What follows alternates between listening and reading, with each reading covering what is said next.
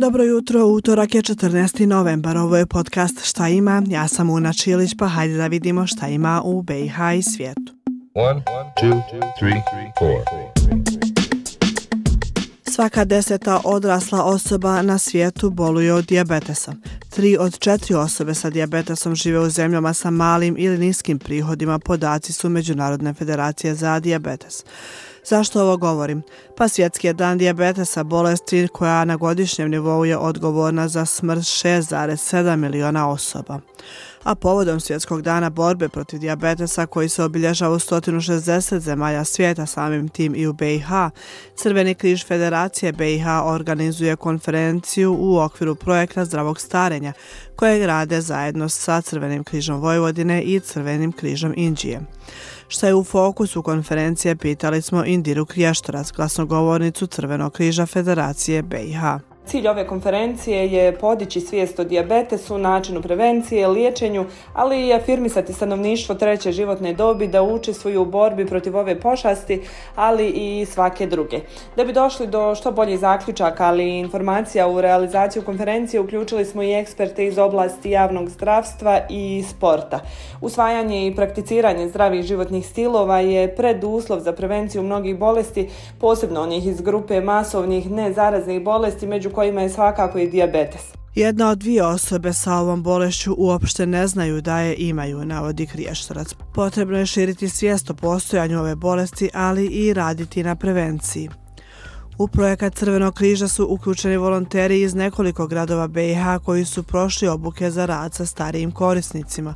A evo šta će raditi tokom ove i naredne godine, rekla nam je Indira Kriještorac. Oni će naime kroz mobilne timove biti na terenu i obilaziti naše sugrađane zlatne dobi koji žive sami ili su slabijeg socijalno-imovinskog stanja, pružati im usluge mjerenje krvnog pritiska, šećera u krvi, holesterola, praćenje zdravstvenog stanja, učiti korisnike osnove prve pomoći kako bi u određenim situacijama mogli pružiti pomoć sami sebi. Širom BiH danas će biti organizovane diskusije kao i edukativna predavanja, a u Zenici će građani moći besplatno da izmere nivo glukoze u krvi u Zenica City Centru.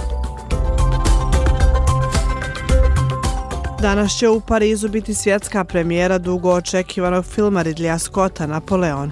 Radi se, pogađate o filmu o jednom od najvećih vojskovođa u historiji, a u fokusu same radnje Scottovog filma je veza Napoleona Bonaparte i njegove prve supruge Josefine.